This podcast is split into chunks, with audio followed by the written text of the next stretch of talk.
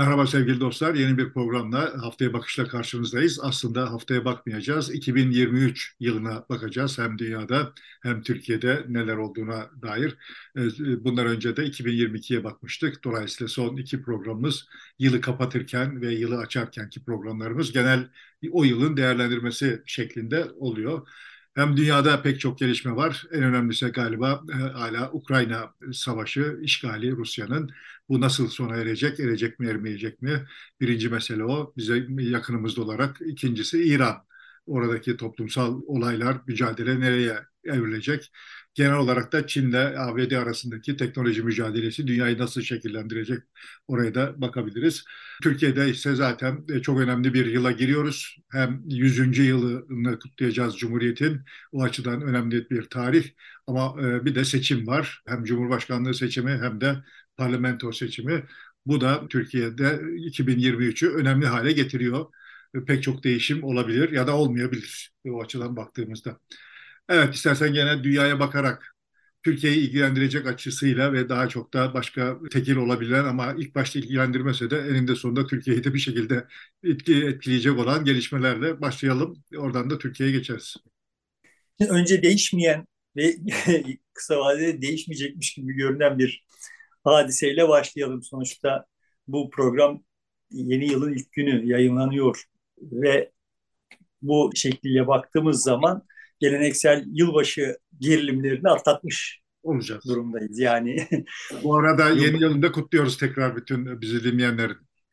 Yılbaşı kutlanır mı, kutlanmaz mı? Türk bir Türk bir Müslüman yılbaşını kutlar mı, kutlamaz mı geyikleri sona ermiş olacak. İşte herkes kendi yarasının muhasebesini yapıyor olacak program yayınlandı. Muhasebesine başlamış olacak. Tabii endişelenmeye mahal yok. Sonuçta bunun rövanşı Kurban Bayramı'nda yaşanacak.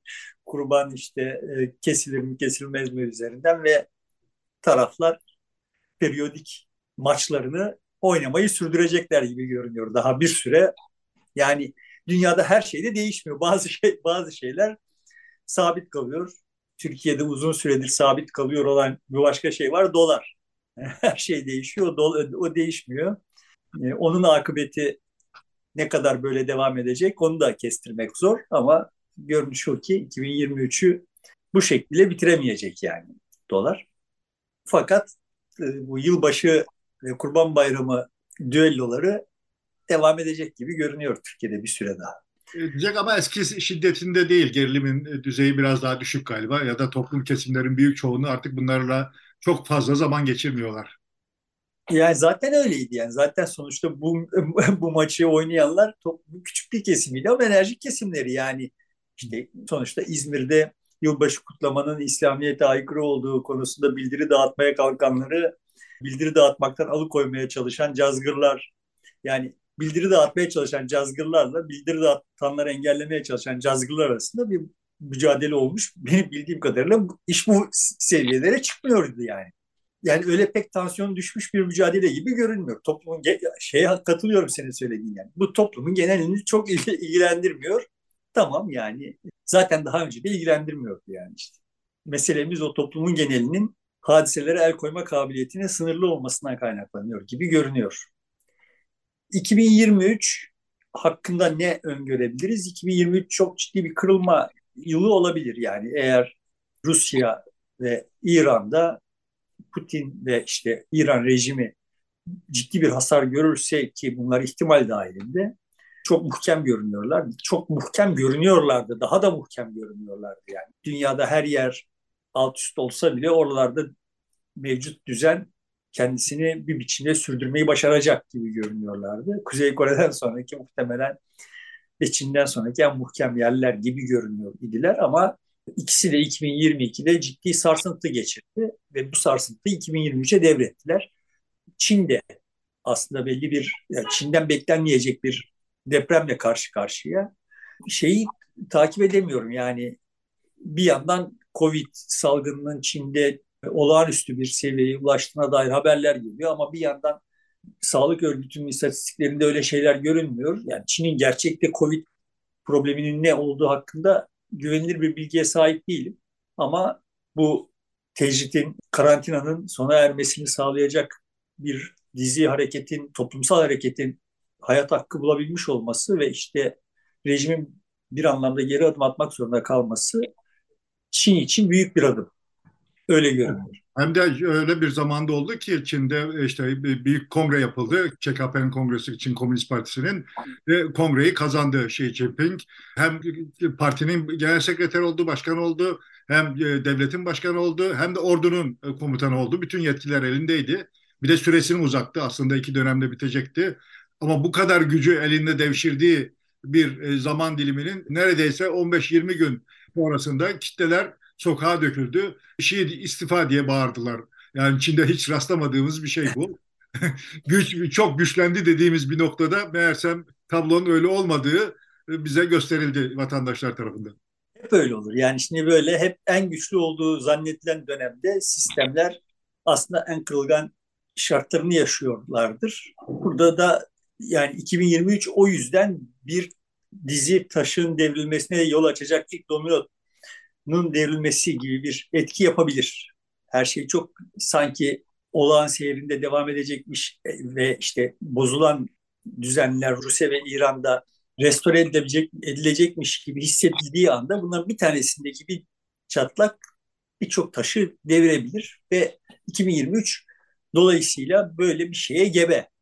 Ama hani şeyi kestiremiyoruz yani sahiden de bir restorasyon mu olacak? Eski düzenin restorasyonu mu olacak yoksa tahmin ettiğimizden, tahmin edilenden uzun sürdüğü hem Ukrayna Savaşı hem İran'daki hareketler. Yani İran özellikle çok ilginç. Herhangi bir liderlik yok. Buna rağmen işte 110 günü geçti eylem ve durmuyor, sürekli artıyor. 500'ün üzerinde ölüm gerçekleştiği söyleniyor. İdamlara başladı rejim. Gerçi iki tanesini idam etti ondan sonra gene durdu ama bu kadar sert tedbire rağmen e, yine de eylemler sürüyor ve gene coğrafyanın tamamında. Yani herhangi bir iki şehirde sıkışmış değil yani. Dolayısıyla şimdi hani benim sezgilerim itibariyle konuşacak olursam yani ben İran'ın İran'daki rejimin çökmesinin dünyanın birçok yerinde birçok şeyi tetikleyebilecek olduğunu düşünüyorum. Ve biz hani geçen çarşamba İmamoğlu'nun önceki çarşamba İmam, İmamoğlu'nun Milleti Saraçhane'ye topladığı gün o gece bir program yapmıştık. Aslında o, o gece o program yayınlanmadan önce yaptığımız bir program vardı. Asıl gerilimin cinsel politika üzerinden sürüyor olduğunu iddia ettiğim benim. Bir izleyicimiz ya ben bu programı izleyemedim çok dağınıktı demiş. ben de yaptığım en derli toplu analizdi diye o programı öyle görmüştüm ama çok az kişi izledi. Yani bizi izleyenlerle bana katlanıyor olanlarla bile aramızda bir anlayış, ciddi bir anlayış makası olduğu görülüyor. Çünkü yapmış olmaktan en çok utandığım program da en çok izlendi.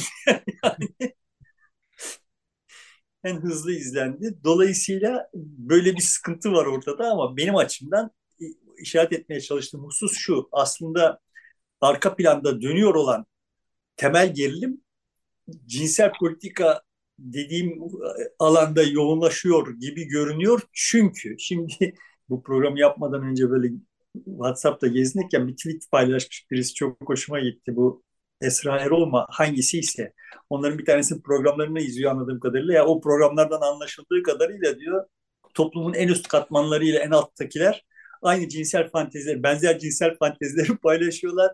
Ortadaki eğitimli ve maaşlı kesim de, ücretli kesim de çok mazbut kalıyor bunların yanında yani. Dolayısıyla ikisine de karşı bir öfke biriktiriyor diyor. Yani bu bu bir espri değil yani. Aslında temelde evet üst üste örtüşmüş gibi görünen iki farklı şey var yani. Geleneksel Marksist sınıflar ortadan kalktı ama başka bir katmanlaşma ortaya çıktı ve ben bunu zamanında hissettiğimde işte şehirliler ve kasabalılar diye tasnif etmiş idim. Şehirliler dediklerim işte o eğitimli, ücretli kesimler ve işte mazbut kesimler. Yani belirli bir sosyal düzeni o düzene saygı duyarak, ya, içselleştirmiş olarak yaşıyor olanlar ve işte bunu herkes için de istiyor, talep ediyor olanlar. Buna karşılık işte kasabalılar aslında kendi menfaatlerini ön plana çıkararak düzenle çelişkilerin yoğunlaştığı noktalarda düzeni tahrip etmekten geri durmayacak, gözü kara kesimleri kastediyorum değil mi? Bu tasnifi yaptığım dönemden beri bu tasnife sadığım ve böyle bir tasnif var yani. Dünyada şu anda esas hesaplaşma bu kesimler arasında dönüyor. Ama hani ben bu iş, bu tasnifi yaptığım dönemlerde daha şehirlerin yanında idim. Şimdi daha kasabalıların yanındayım, şehirliliğin yanındayım. Yani sonuçta bu maçı kasabalıların kazanacağını düşünüyorum artık. Ama makul çözümün o kasabalıların şehirleşmesi olması yani böyle azgınlıklardan vazgeçip daha makul bir hayat tasavvuruna ulaşmaları böyle olacak diye düşünüyorum. Yani sonuçta o şehirlilerin şehirli dediğim kesimlerin hayat tarzının daha sürdürülebilir olduğunu, diğerlerinin daha yıkıcı sonuçları olabilecek olduğunu düşünüyorum. Ve bu mücadele ama işte evet o tweette de işaret edildiği gibi sadece böyle işte bur burada memurlar, burada prekarya filan gibi bir ayrıma oturmuyor. Aynı zamanda bir hayat tasavvuruna da oturuyor. Yani bunun en görünür olduğu tarafı da cinsellik. yani dolayısıyla cinsellik, kadın bedeni vesaire gibi konuların bu iki kesimi birbirinden ayıran temel renklerden bir tanesi olduğunu düşünüyorum. Maç burada dönüyor ve biz burada işte demokrasi, işte otoriterlik vesaire filan gibi şeyler üzerinden konuşuyoruz. Yanlış iş yapıyoruz yani. 2022 bu anlamda bakacak olursak demokrasilerin de otoriter rejimlerin, demok kendisine demokrasi denen rejimlerinde, kendisine otoriter denen rejimlerinde mevzi kaybettiği yani nereden baktığına bağlı olarak her ikisine mevzi kaybettiği bir dönem oldu ve 2023 bu anlamda devam bunun devamı olacak gibi görünüyor. Çünkü bizim terminolojimiz aslında olanı açıklamıyor. Terminolojimizde bir sıkıntı var. Yani bu, mesele demokrasi teorik anlamda bir demokrasi mücadelesi. Buna bir itirazım yok ama demokrasiler denen şeyler demokrasi değiller. Zaten onlar da ba- ba- başka türlü bir tür otoriteryen rejimler yani. 2022'yi kapatırken söylediğimiz şeyle bakacak olursak Türkiye'de hesap verme sorumluluğuna sahip olmayan bir otoriteye sahibiz ama aslında Türkiye'deki kadar kaba ve biçimsiz olmasa da dünyanın herhangi bir demokratik rejimi de zaten hesap vermiyor yani. Hesap veriyor gibi görünüyor ama hesap vermesi gerekmeyen şeyleri ya da hesap veremeyeceği hesapları görünür olmaktan çıkarma becerisine sahip. Yani Türkiye'de temel sıkıntı bu becerinin olmaması. Bize çok kaba görünüyor olan şey buradan kaynaklanıyor. Kabaca e, özetleyecek olursam demeye çalıştım başka bir düzlemde çok başka ve hayati bir mücadele sürüyor. Bu mücadelenin 2023'te bir sonuca ulaşmasını beklemek yanlış olur. Yani buradan bir üçüncü yolu 2023'te bul, bulacağımızı düşünmek hayalcilik olur diye düşünüyorum ama çok gecikmeyecek diye düşünüyorum. Yani bu mayalanıyor daha belirgin hale gelecek o yola girdiğimiz 2023'te galiba. Ya işte İran'da mesela rejim çökerse bu süreç başka bir hızla başka bir mecradan akar. Rusya'da Putin kaybederse 2023'te bunlar ihtimal dahilinde şeyler. Evet. Ama bunun ters bunların tersi olursa o zaman bu e, hayatın seyri başka bir mecradan akar yani. Ama şundan e, hiç şüphem yok yani İran'da olup bitenler Şubat ayında bir nihayete erer ve İran rejimi çökerse o çöken rejimin yerine çok geçmeden yani birkaç ay içinde sürdürülebilir bir düzen tesis edilebilirse Türkiye seçimi bundan muazzam etkilenir. Aksi olursa yine muazzam etkilenir. Yani İran'da ortaya çıkacak kaos, ciddi bir kaos, Türkiye'de mevcut düzenin devamını devamına yönelik talebi kışkırtır. Yani biz dış güçleri Batı'da, Amerika'da, İngiltere'de, Washington'da falan, Rusya'da, Moskova'da ara, ararken sanıyorum İran daha çok etkili olabilecek Türkiye'deki seçime diyorsun. Olabilir yani. Bunlar ihtimal dahilinde. Dolayısıyla böyle Türkiye'nin seçimini hani bundan sonra da konuşacağız anladığım kadarıyla. Türkiye'nin seçimini sanki Türkiye'nin seçimiymiş gibi konuşmak da çok doğru bir şey değil ve mevcut siyasetçilerin yaptığı en ciddi hatalardan bir tanesi de bu olduğunu düşünüyorum. Bizi böyle dünyadan kopuk, fanus içinde kendi problemleriyle uğraşan bir kabile toplumu halinde algılamak bize hakaret, kendilerine hakaret ve ayrıca da yani sonuç vermeyecek de bir şey yani. Herkes böyle tek ayak üstte yakalanabilir. Yanlış ayağın üstte yakalanabilir yani olup bitenler e, seyri çerçevesinde. Neyse onları seçim programlarında konuşuruz. Şimdi ama kabaca dünyanın bir uzunca bir süredir bir gebelik yaşıyor olduğu ve işte bunu ertelemek için de neredeyse bütün aktörlerin cansiperhane bir mücadele veriyor olduğu görülüyordu. Bunları defalarca konuştuk. Pandemi bu işi zorlaştırdı. Yani bu gebeliğe ertelemeye çalışanların işini zorlaştırdı. Üstüne Ukrayna Savaşı çıkınca bu iyice zorlaştı ve dünyanın herhangi bir yerinde herhangi bir siyasi aktörün veya entelijansiyanın bu başımıza geleni doğru anlayacak, ya bırak onu yönetmeyi vesaireyi doğru anlayacak durumda olmadığını da görmüş olduk. Hep doğum, verdiği, doğum pek geciktirilemez herhalde. Doğum pek geciktirilemez herhalde. Erken doğum olması daha kolaydır ama geciktirmek herhalde en fazla bir gündür, iki gündür. Yani ellerinden geleni yapıyorlar. ama bir şey yarayacağını zannetmiyorum çok fazla. Yani sancı çekiyoruz işte. Sancı uzuyor yani. Olan şey bu oluyor. Ben bu tür durumların misali olarak hep şeyi kullanırım. Yani burada da defalarca kullanmışım. Yani işte Paley saatin düzeninden yola çıkarak alemin bir ilahi özne tarafından dizayn edilmiş olduğunu ispatlamaya çalışırken Lametri de işte yine aynı saatten yola çıkarak aslında saatin ruhu yok, o halde insanın da ruhu yok.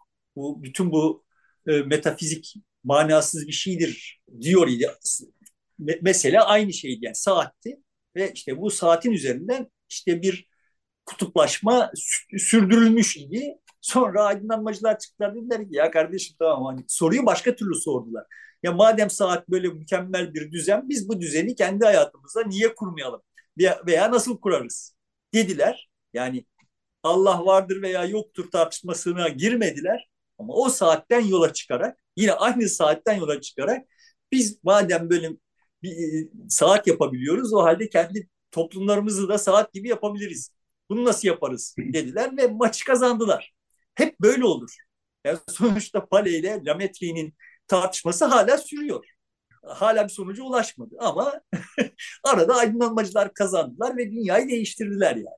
Şimdi benzer bir durumda yine bize bir üçüncü yol lazım ve bu üçüncü yol bir biçimde işte e, yine cinsel politikaya dönecek olursak buradan aslında kadınların kendi statülerini değiştirme iradelerini sergile, iradesi sergilemeleriyle ve diğer cinsel kimliklerin tanınması konusundaki mücadelelere katkılarının sonucu olarak aslında bir üçüncü yol şehirlilik dediğine, şehirlilerden bağım, bağımsız olarak şehirlilik dediğim bir e, hal zuhur ediyor. Yani bu zaten oluyor. Dolayısıyla da 2023'te bu maratonda işte bir bir merhale olarak kendi üstüne düşeni yapacak diye düşünüyorum. Bunu eğer İran'da ve Rusya'da bunların ikisinin de otoriteryenlikleri yanında dikkat edersen ikisinin de cinsel politikaları çok ön plana çıkıyor.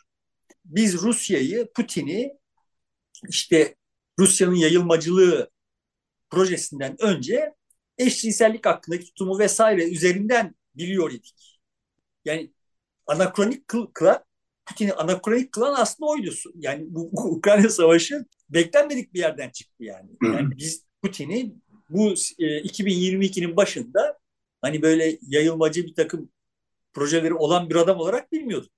O böyle aniden çıktı. Dolayısıyla ama Putin'i cinsel politikalar nedeniyle biliyor idik ve İran'da cinsel politikalar nedeniyle biliyoruz. Dolayısıyla bunlar örtüşüyorlar. Yani neden örtüşüyor oldukları falan ayrı bir bahis olabilir. Üzerine çok kafa yorulması gerekiyor olabilir. Ama sürüyor olan mücadele benim açımdan son derece net bir mücadele. Bu mücadeleyi alttan gelenlerin kazanacaklarını da düşünüyorum. Bu alttan gelenlerin kendilerini daha şehirli kılmalarını sağlayacak mekanizmaların üretilmesi durumunda daha az sancılı bir doğum ya da, ya da doğum sancılarını daha çok uzatmamayı başarabiliriz diye düşünüyorum. Ama e, 2023 bu anlamda işte İran ve Rusya üzerinden ve hatta Türkiye seçimi üzerinden bize insanlığa ekstra bir takım fırsatlar sağlayabilir gibi görünüyor. Ekstra zorluklar da çıkarabilir gibi görünüyor. Göreceğiz yani. Evet aslında e, dediğin gibi bu coğrafya birbirine yakın ülkeler itibariyle baktığımızda 2023 e, kritik bir yıl oluyor hem Rusya hem Türkiye hem de e, İran açısından baktığımızda. Bu büyük değişime yol açabilir. şu ya da bu şekilde nasıl gerçekleşirse yani İran'la Türkiye'nin farklı bir boyut kazanması bile herhalde durumu çok daha farklı bir noktaya getirecektir. Böyle bir ortamda istersen Türkiye'ye doğru geçelim yavaş yavaş dünyada ya da teknolojiyle ilgili başka bir iki bir şey söyleyeceksen orada.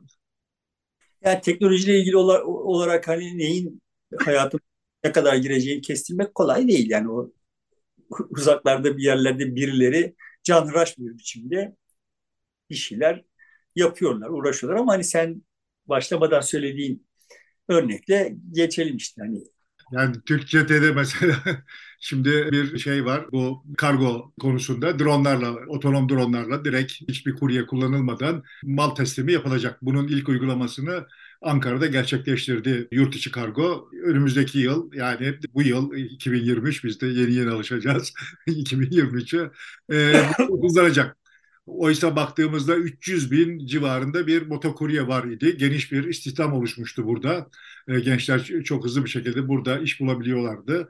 Ama herhalde bu dronlarla birlikte e, buradaki istihdam sayısında düşme başlayacaktır.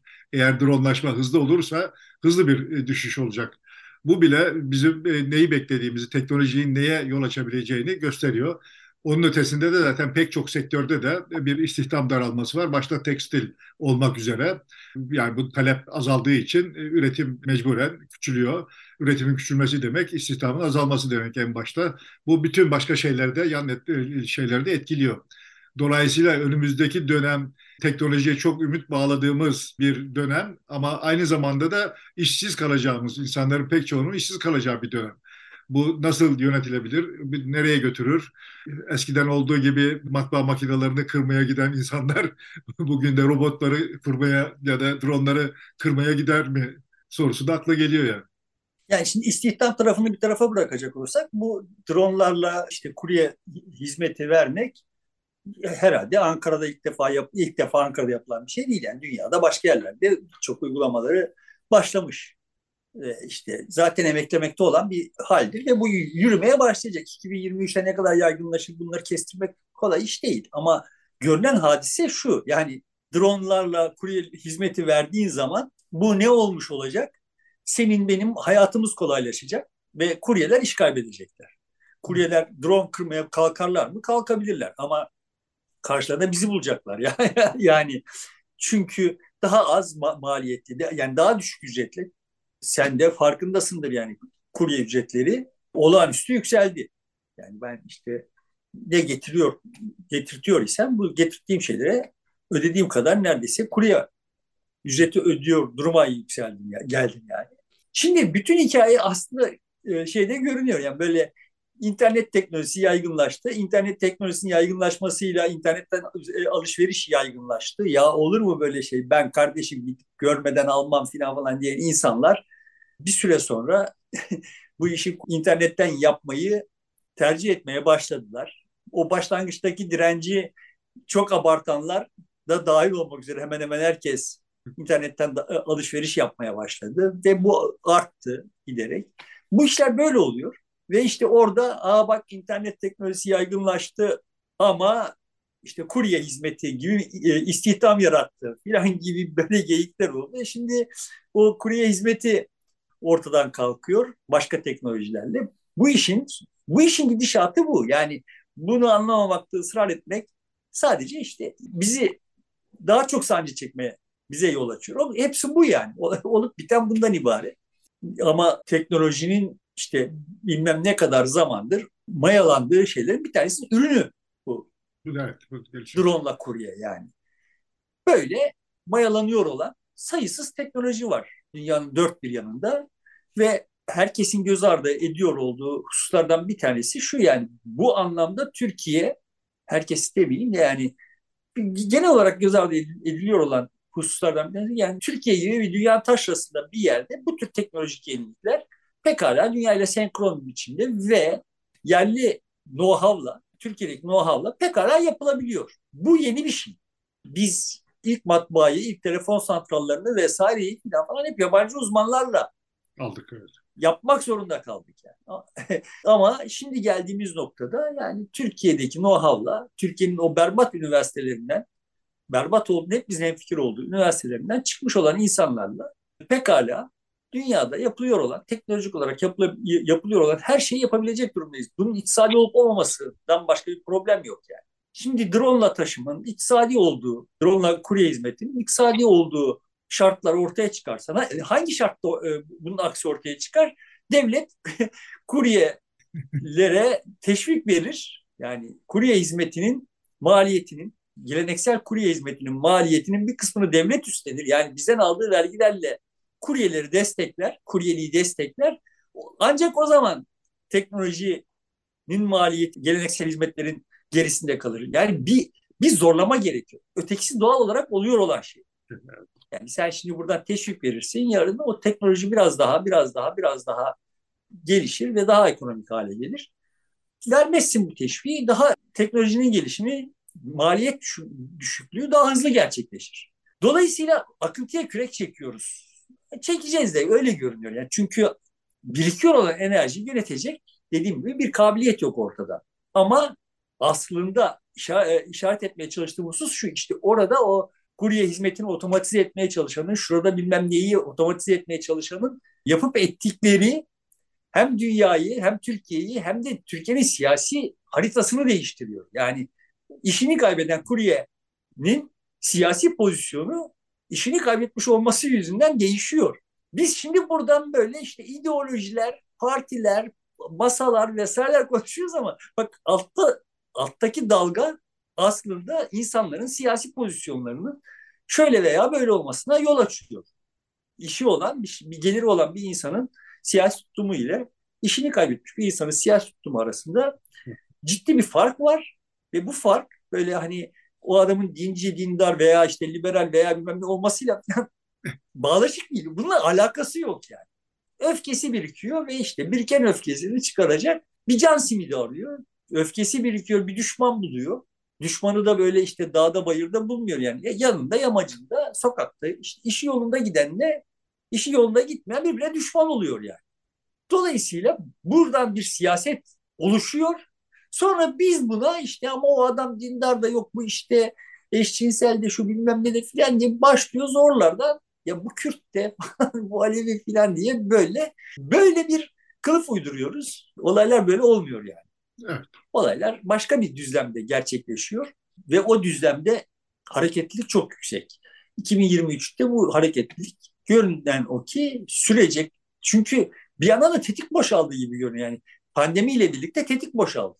Her şey çok hızlı değişiyor ve buradan itibaren bunun kontrol edilmesi, yönetilmesi imkansız gibi görünüyor. Yani siyasi iktidarlar aşağıdaki sıradan insanların, sıradan öznelerin yapıp ettiklerinin yol açtığı kendi kavramlaştırmalarına yol açtığı tahribatı telafi edecek bir projeye, bir akla, bir yönelime sahip değiller. Ve işte aydınlanma da aslında tek olarak böyle bir şeydi. Yani aydınlanmada işte orada böyle sıradan insanlar yani o dönem itibariyle sıra, sıradan sayılacak aristokrat olmayan yani güç sahibi olmayan insanların orada burada böyle ürettikleri bir takım kavramların sordukları soruların verdikleri cevapların sonrasında gerçekleşmiş olana ve onların rakiplerinin yapıp ettikleri arasındaki o maça bizim sonradan verdiğimiz isimdir aydınlanma. Yani burada da şimdi böyle bir şey oluyor ve aradan 30 yıl, 50 yıl, 150 yıl geçince birileri bizim bu yaşadığımız döneme kendilerince işte bir değişimi adlandıracak bir isim koyacaklar ve bunun içinde yaşıyoruz yani. Görünüyor ki burada işte bizim dünyanın bu neslinin başına gelmiş olanı adlandırabilecek, bunu anlamlandırmaya çalışacak bir e, motivasyonu yok. Olmaması daha iyi, iyi de olabilir. Yani bu kafalarla anlamlandırmaya çalışırsak iyice ağzımıza yüzümüze bulaştırabiliriz. Ama bir de süreç tamamlanmadan adlandırmak da çok kolay değil yani. Hayır anlamlandırmak aslında adlandırmak doğru bir şey değil de anlamlandırmak yani ne oluyor bizim başımıza ne geliyor konusu çok fazla kafa yormamak iyi, iyi de olabilir. Ben aptalca şeyler yapıyor da olabilirim yani aptallık yapıyor isem bu ilk olmayacak. Sonuçta Türkiye'ye gelecek olursak yani evet Türkiye böyle işte istihdam kaybı falan filan yaşayacak ama zengin olacak yani böyle. Yine bir tweet çok hoşuma gitti. Aman sokakta diyor şeyi izmaritlerinizi yanarken yere atmayın. Her yerden doğalgaz çıkıyor. Sonuçta böyle her yerden doğal gaz çıkacak, zengin olacağız filan. Yani bizi yönetenler hani bizim mutlu olmamızı, bizim zengin olmamız kadar önemseseler, önemseseler ve bizim mutluluğumuzun zenginliğimiz kadar başka faktörlere de bağlı olduğunu önemseseler iyi olacak. Tabii ki böyle bir şey yapmıyorlar ve yapmayacaklar. Ne bizi yönetenler ne de onların yerine talip oluyor olanların böyle sıradan fani süfli şeylerle işi yok yani. Onlar daha kocaman işte Türkiye'yi dünya çapında bir şey yapmak veya işte parlamenter demokrasi ihya etmek falan gibi ulvi görevleri var. Ama biz mutsuzuz yani. Hepimiz fena halde mutsuzuz. Görünen tablo bu.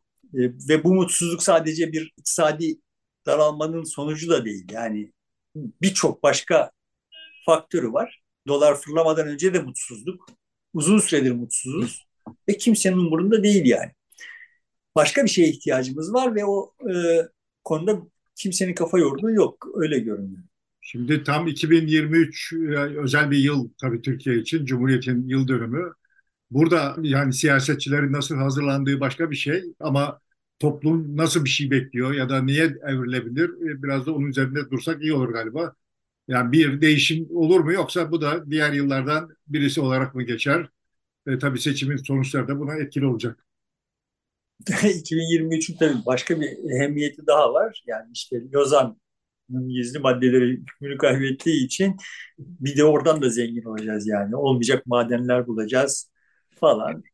Yani benim açımdan 2023'ü en anlamlı kıl, kılıyor olan şey bu Lozan muhabbetinin bitmesi olabilir ama ben millete bu anlamda güveniyorum yani. Bir şey daha ee, bir şey daha icat ederler. İşte 20 gün daha, o, 20 gün uzattılar falan derler. O gizli anlaşma aslında 110 yıllıktı falan gibi bir şeyler. Yani en basit yani. Bu tür şeylerle ikame ederler bu kaybı diye düşünüyorum. Aslında ama işaret ettiğim husus son derece mühim. Yani normal şartlarda bakacak olursak, Türkiye'nin dışına çıkıp Türkiye'ye dışarıdan bakan bir gözle bakacak olursak şunu deme, şunu beklememiz gerekiyordu. Yani bir toplum bir cumhuriyet kurmuş. Yani bir yok olmanın eşiğine geldikten sonra işte bir irade sergilemiş, bir cumhuriyet kurmuş. En azından hikaye böyle yani. Bunun da 100. yılı gelmiş. Burada işte coşku ve yaratıcılıkla bunu değerlendiriyor olması gerekir ve geldiğimiz hale bak. Yani biz 20, 30 Ekim 2022'den beri aslında bu 100. yıl yaşıyoruz ve ortada yani ne bir marş var, ne bir araştırma var, ne bir şenlik var. Herhangi bir şey yok yani. Yani sokaklarda, direklerde filan böyle hani bayraklar, flamalar vesaire hiçbir şey yok yani. Yani sıradan dümdüz bir hadise gibi geçiyor. Sonuçta işte İstanbul'un fethinin 500. yılı vesaireler filan bundan çok daha tantanalı kutlanmış idi ve hani 50. yıl, 75. yıl ciddi bir e, ses getirecek şekilde kutlanmış idi. 100. yılın bundan çok daha tantanalı olmasını beklerdik. Olmuyor. Ve bu çok acıklı bir hal. Kötü bir eşikte yakalandı Türkiye bu 2023'e. Mevcut iktidarın böyle bir kutlamaya çok fazla istekli ve hazırlıklı olacağını düşünmek mümkün değil zaten. Görmüyoruz. E, toplumun kendiliğinden böyle bir kutlama yapması da şu aşamada yok gibi görünmüyor. Ancak işte bayramın yıl dönümü 29 Ekim falan geldiğinde ya da 23 Nisan gibi belli dönemlerde belki olabilir. Yerel yönetimlerin ya da başkalarının da organizasyonuyla. Ancak bir iktidar değişimi olur ise belki devlet mekanizması bir harekete geçer siyasetin isteğiyle, yeni gelen siyasetin ama o da ne kadar bir coşkulu kutlama olur bilmiyoruz. Mevcut iktidarın bu hadiseyi kutlamaya değer bulmadığı, bulmayacağı gibi bir şeye katılmıyorum. Çok işine gelirdi. Yani şimdi bu Cumhuriyet'in 100. yılını kendi iktidarının bekası için çok rahatlıkla kullanabilirdi. Çünkü her şeyi kendi yani sonuçta bu mevcut iktidar Müslümanlardan oluşan bir iktidar değil. Yani İslam'ı kullananlardan oluşan bir iktidar. Cumhuriyeti de pekala kullanmaya kalkabilirler. Cumhuriyet'in 100. yılı ve zaten buna dair birçok işaret de verdiler. Burada mesele ruh durumu, akıl değil, akıl eksikliği değil yani. Ruh durumu olarak Türkiye bu 100. yılı coşkuyla idrak edebilecek durumda değil. Sakatlanmış bir toplumuz yani. Ya daha doğrusu yani hasta yatağında bir toplumuz. Yani hasta yatağındayız, yaş günümüz gelmiş gibi bir durum var. Yoksa hani ya bizim geleneğimizde yaş günü kutlamak yok, o yüzden kutlamıyoruz gibi bir durum olduğunu düşünmüyorum. Bunu değerlendirmek isterdi ama iktidarın kendisinin de kendisine de bir heyecan yok. Yaratıcılık yok, herhangi bir şey. Yani 2009'daki Erdoğan ve AKP olsa şimdi bu 100. yılı tepe tepe kullanmış ve Cumhuriyet zaten bizim siz kimsiniz ya demiş olurdu ya, yani şimdiye kadar. Ya biz kurduk Cumhuriyet kardeşim bak İstiklal Marşı'nda zaten Mehmet Akif yazdı filan. Yani hem Mehmet Akif'e hem Abdülhamit'e sahip çıkıyorlar mı? Çıkıyorlar. Evet, doğru. yani Cumhuriyet'e de sahip çıkarlardı, Atatürk'e de sahip çıkarlardı, her şeye sahip çıkarlardı yani. Ve bu onların işine gelirdi. Hoşlanacakları ve idmanlı oldukları bir şey, bu idmanlı oldukları şeyi bile yapabilecek kabiliyetleri yok. Yapmaya teşebbüs ettiler yani işte hani Türkiye yüzyılı vesairenin arkasında yatıyor olan kavramlaştırma işte bu Cumhuriyet'in 100. yılı. Ama yaptıkları her şey e, ellerinde kalıyor, enerjileri yok.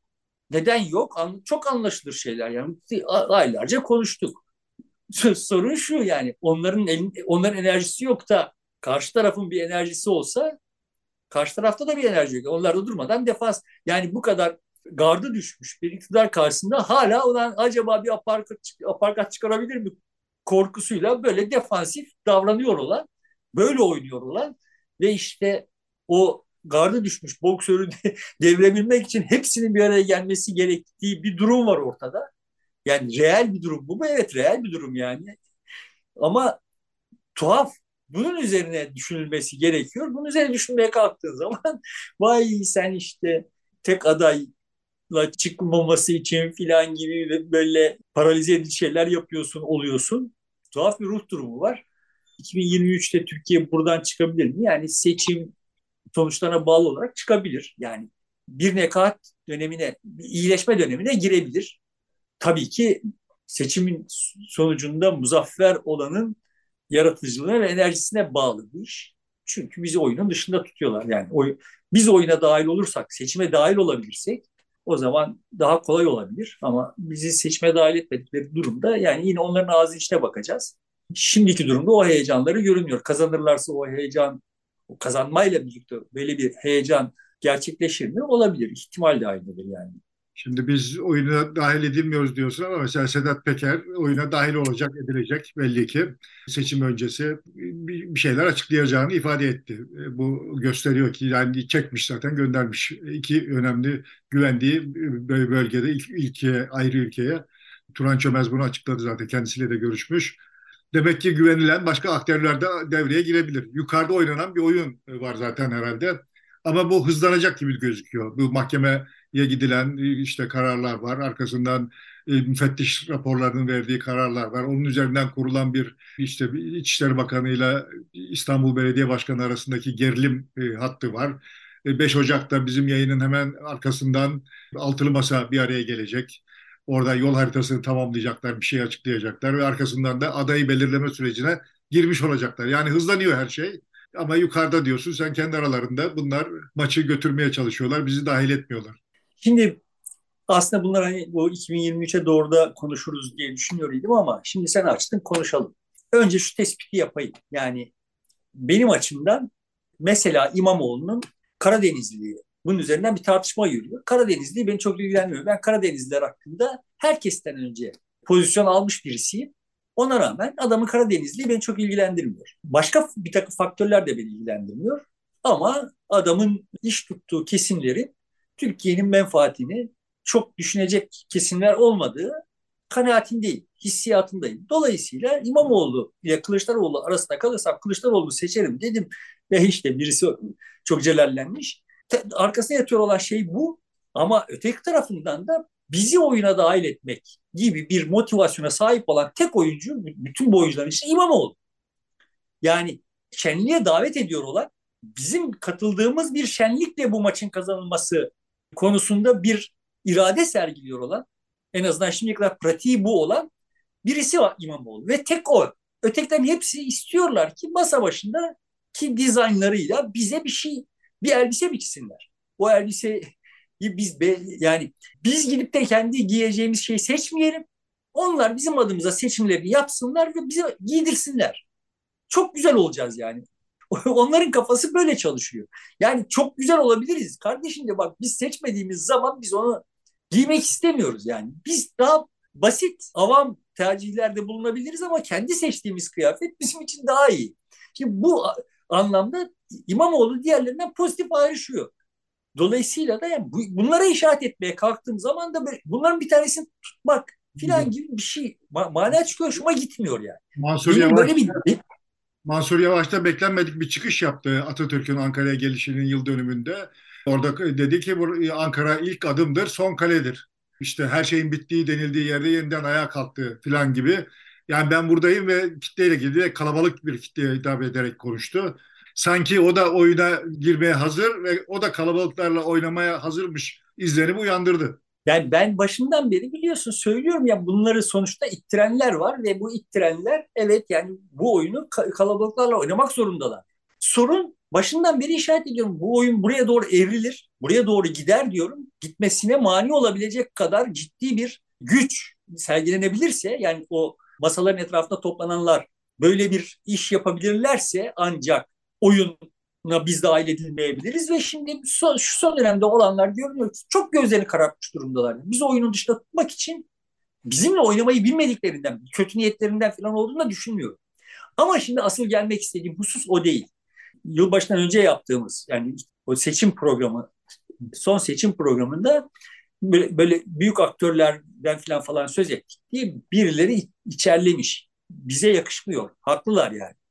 İşte orada e, İlkan Dalkılıç da şey demiş yani. Kimsede bu kadar akıl yok.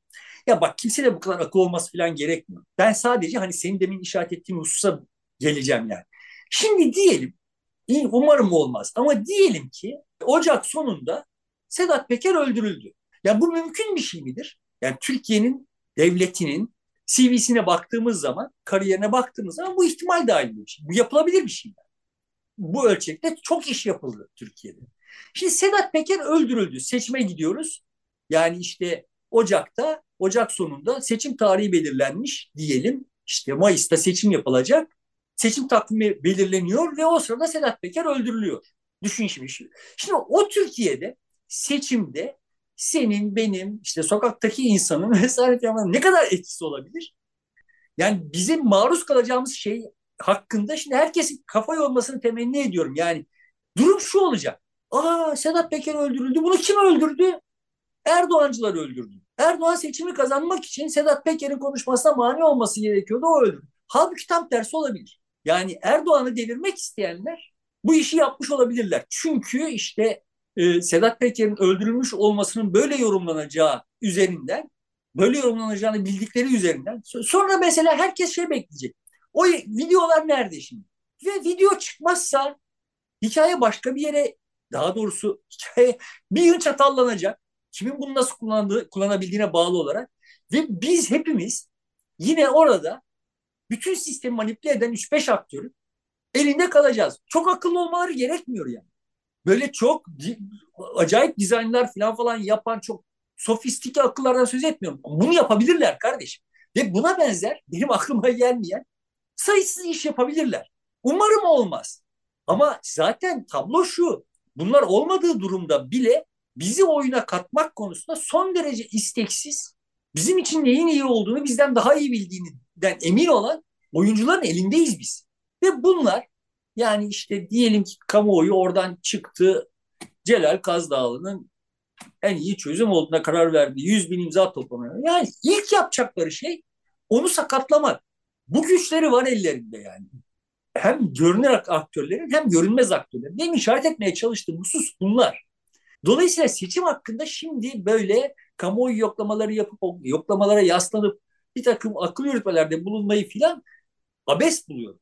Bu seçim normal bir seçim olacakmış gibi görünmüyor bana. Umarım yanılıyorum. Umarım ben bütün bu tahminlerde çuvallıyorum ve işte evet kamuoyunun da baskısıyla ulu yüce aktörler kendilerini sınırlı, kamuoyuyla kayıtlı hissedip işte Türkiye'nin makulünü aramak zorunda hissedecekler kendilerini ve veya işte o aktörlerin bir kısmı en azından bu anlamda bir akıl sergileyecek, diğerlerini frenleyecek falan.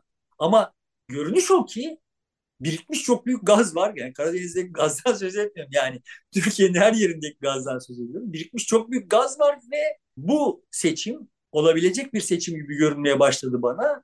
Ama normal bir seçimmiş gibi olmayacak. Yani 95 seçimi gibi bir seçim olacak bu seçim. Yani 95 seçim son derece tasarı bir seçimdi. Büyük oyuncular o seçimi adım adım dizayn ettiler yani. Ben böyle gün gün onu izlemek zorunda kaldım ve olayın anlamlandırmam seçim sonrasında ancak mümkün oldu. Ne, ne olup bitti bizim başımıza neler getirdiklerini. Yani orada birisi çıktı işte hatırlıyorsun yani. Türkçe ezan lafı etti. Öteki gitti işte bidon mineraller laf etti. Ve Berike işte Lady'nin topuk sesleri dedi. Şu oldu bu oldu. Bir yıl böyle bir hengame koptu. Ne olduğunu anlayamadığımız bir hengame koptu. Ve işte aradan Refah Partisi çıktı. Devletin dizayn ettiği bir seçimdi. Bu seçimde öyle bir seçim olmaya doğru gidiyor diye düşünüyorum. Umarım yanılıyorumdur. Bir yandan da işte Yıldıray Uğur da yazmış işte bu olacak 1950 seçimi gibi buradaki tek şey mevcudun istenmemesi. Yani o zaman da Demokrat Parti'nin yeter söz milletinin dışında, milletin dışında söylediği hiçbir şey yoktu diyor. Ama zaten orada da referandum yapıldı ve o dönemin işte uzun dönem iktidarda olan heyetinin işine son verildi. İnönü'ye hayır denildi ve hiç tanınmayan iki isim seçilmiş oldu diyor. Bu seçimi de bir referanduma dönüşecek diye öngörüyor ve öyle bakıyor. Her seçim bir referandumdur. Her seçimde sonuçta seçimin sonucunu bir tek soru belirler. Hangi sorunun belirleneceği siyasi aktörlerin kabiliyetlerine bağlıdır. Daha doğrusu her seçim, yani 95 seçimi de öyleydi. 2002 seçimi de öyleydi. 2007 seçimi de öyleydi. Yani 2007 seçimi bir referandumdu. Kardeşim işte anlı secde, secde görenlerin Çankaya çıkmasına razı mısınız değil misiniz? Seçimiydi. 2002 seçimi bu kendi kafasına göre memleketi dizayn etmeye kalkan tırnak içinde vesayetçilerin defterin dürülmesinin yanında mısınız değil misiniz seçimiydi. Her seçim bir referandumdur. Yani. Bu seçimde bir referandum olur. Neyin referandumu olacağına siyasi oyuncuların kabiliyetleri karar verecek. Yani Yıldıray'ın o yazısını ben de okudum. Yani evet yani güzel bir tahlil her zaman yaptığım ama o sadece işin bir kısmı. 1950 seçimi bir referandumdu ama 1950 seçimin arka planında eğer e, uluslararası yeni bir dizilim olmasaydı o seçimin o sonucuna rağmen CHP'liler tırnak içinde İnönü'yü seçim sonuçlarını tanımamaya razı ederlerdi. Edemediler.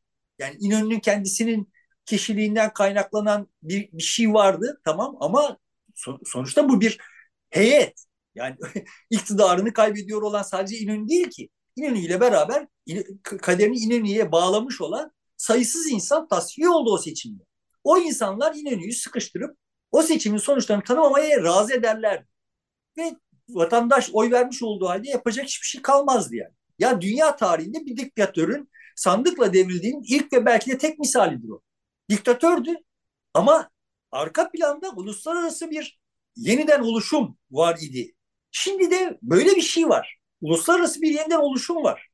Dolayısıyla şimdi Türkiye'nin seçimini sadece Türkiye'deki siyasi aktörlerin veya Türkiye kamuoyunun kendi sıkışma işliğiyle falan açıklamanın bir manası yok. Herkes bir tarafına bakıyor işte. Yani film bir tarafını tarif ediyor. Haklı olarak benim bir itirazım yok da.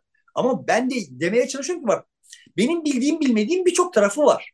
Yani bu fil sadece hortum değil, sadece kulak değil, sadece ayak değil, sadece kuyruk değil yani.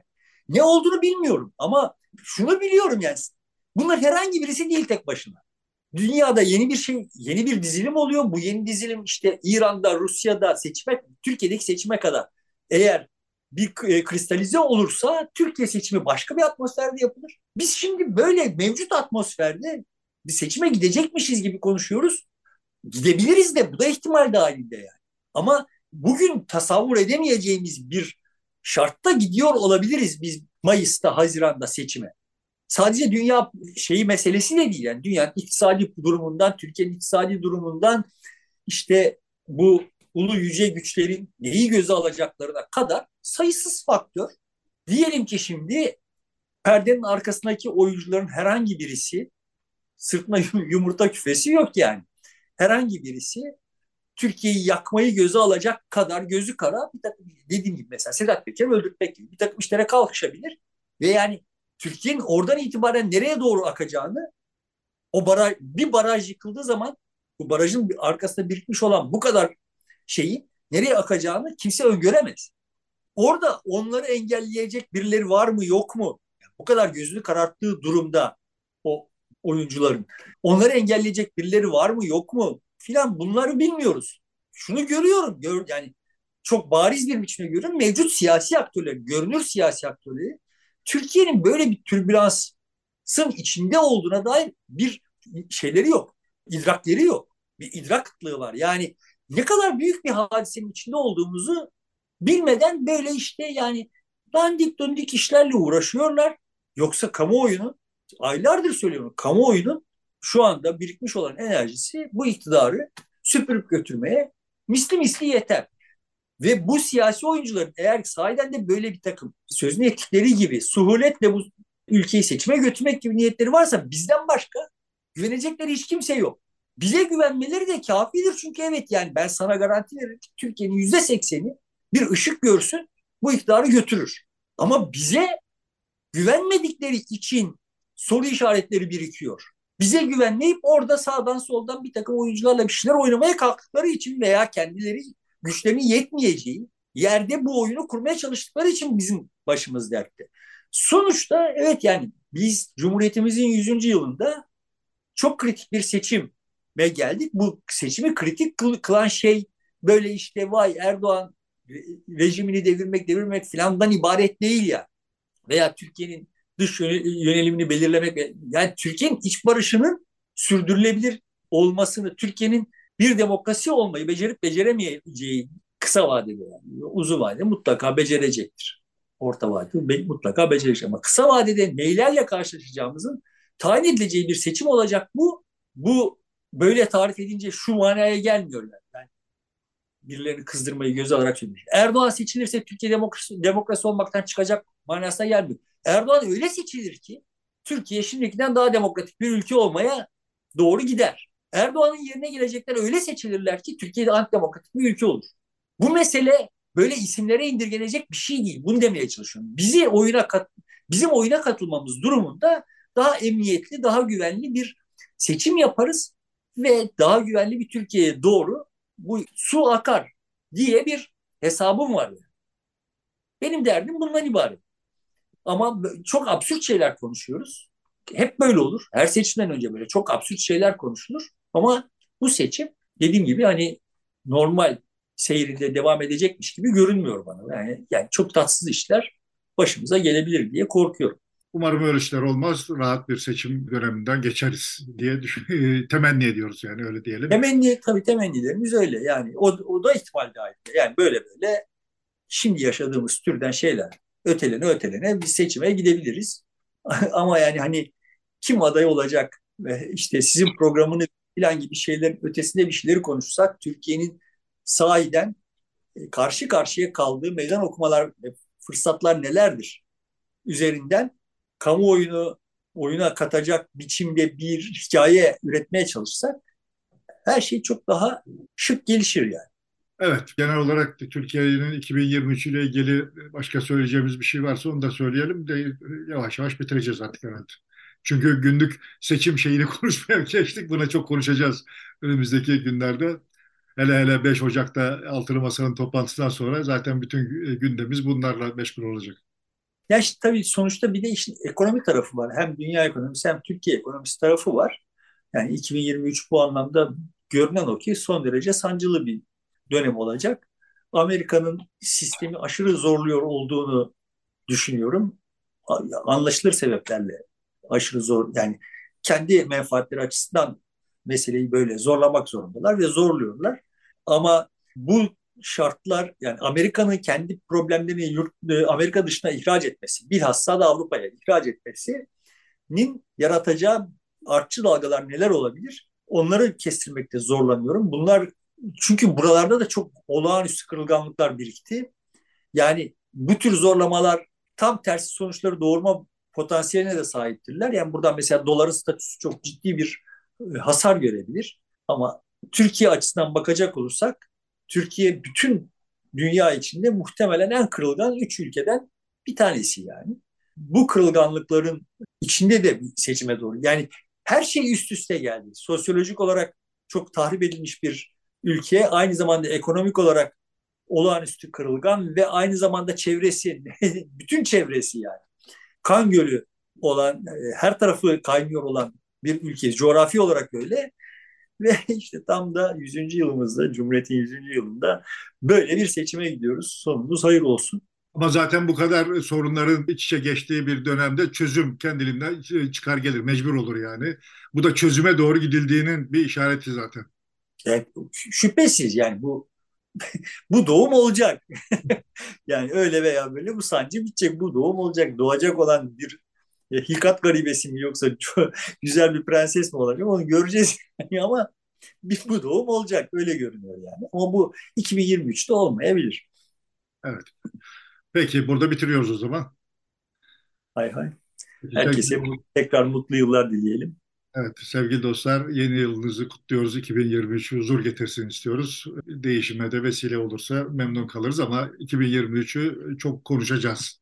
Hem seçim vesilesiyle hem de etrafında olup biten şeyler nedeniyle e, çok konuşacağız. E, mutlu bir yıl diliyorum. Hoşçakalın.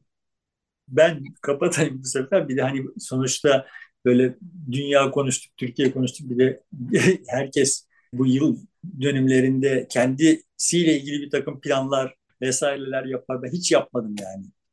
hiç yapmadım bu tür yıl dönümlerini. Ama bu sefer yaptım.